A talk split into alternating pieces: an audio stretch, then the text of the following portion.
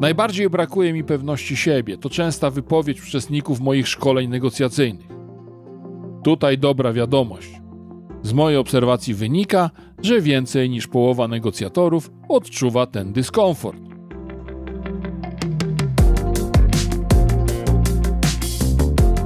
Oto przykład z jednego z moich treningów.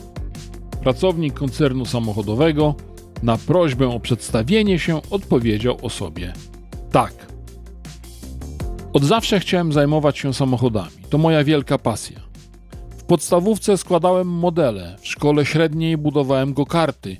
W efekcie skończyłem studia na Wydziale Samochodowym, broniąc pracę dyplomową na temat silników wysokoprężnych. Praca, którą teraz wykonuję, to praca moich marzeń. Odnajduję w niej wszystkie moje dotychczasowe doświadczenia. Brzmi imponująco, nieprawdaż? Tak, trzeba jednak dodać, że tę autoprezentację uczestnik opracował w trakcie naszego treningu. Pierwsza oryginalna wypowiedź brzmiała mniej więcej tak. Mam niewielkie doświadczenie, pracuję tu dopiero od roku, jest to moja pierwsza praca po studiach i mimo tak krótkiego stażu muszę negocjować dostawy części zamiennych do produkcji samochodów. Jest różnica? Z pierwotnego przedstawienia się biją dystans i niepewność. W tej podkręconej podczas treningu wersji uderzają pewność siebie i pewność własnych kwalifikacji. A przecież informacje tu i tu są prawdziwe. Najbardziej brakuje mi pewności siebie. To częsta wypowiedź uczestników moich szkoleń negocjacyjnych. Tutaj dobra wiadomość. Z mojej obserwacji wynika, że więcej niż połowa negocjatorów odczuwa ten dyskomfort. A to wskazuje, że po drugiej stronie może zasiąść negocjator podobnie niepewny siebie. Skąd bierze się brak pewności siebie? Najczęściej jest on wynikiem błędnej oceny własnych szans i możliwości w porównaniu z szansami i możliwościami drugiej strony. Własne szanse oceniamy najczęściej na podstawie wiedzy o swoich ograniczeniach, zarówno osobistych, jak i zawodowych, na podstawie celów, jakie sobie stawiamy lub jakie zostały nam postawione, oraz oczywiście oczekiwanych rezultatów.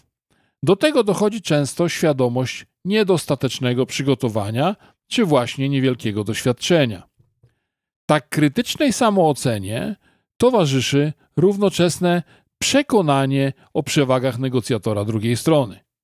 Zwłaszcza jeśli jest on wyżej w hierarchii służbowej, ma dłuższy staż lub jest po prostu widocznie starszy. I tutaj druga dobra wiadomość. Jeśli ten potencjalnie lepszy negocjator siada z nami do stołu, to znaczy, że także nie czuje się pewnie.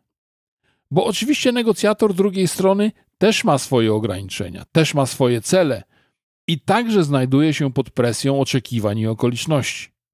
Czyli szanse się prawie wyrównują. Jak pracować nad pewnością siebie? Najprościej tak jak w przywołanej podkręconej autoprezentacji, czyli po prostu wymieniając to, co wiem o sobie i czego jestem pewien. Skupiając się na swoich silnych stronach, nawet jak wydają się one niezbyt przydatne. O czym może świadczyć doświadczenie go-kartowe? Na przykład o gotowości do rywalizacji, o sprawności manualnej, o odwadze brania sprawy we własne ręce. A to przecież cechy pożądane przez każdego pracodawcę i budzące respekt każdego konkurenta. I jeszcze jedno ciekawe spostrzeżenie.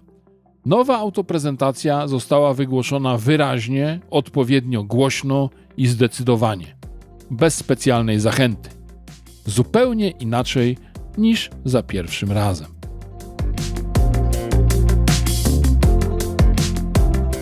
Z chęcią odpowiem na Twoje pytania, jeśli wpiszesz je w komentarzach. Zapraszam Cię także do zaglądania tu od czasu do czasu. Będą się tu na pewno pojawiać nowe treści. A jeśli chcesz, to po prostu dopisz się do subskrypcji.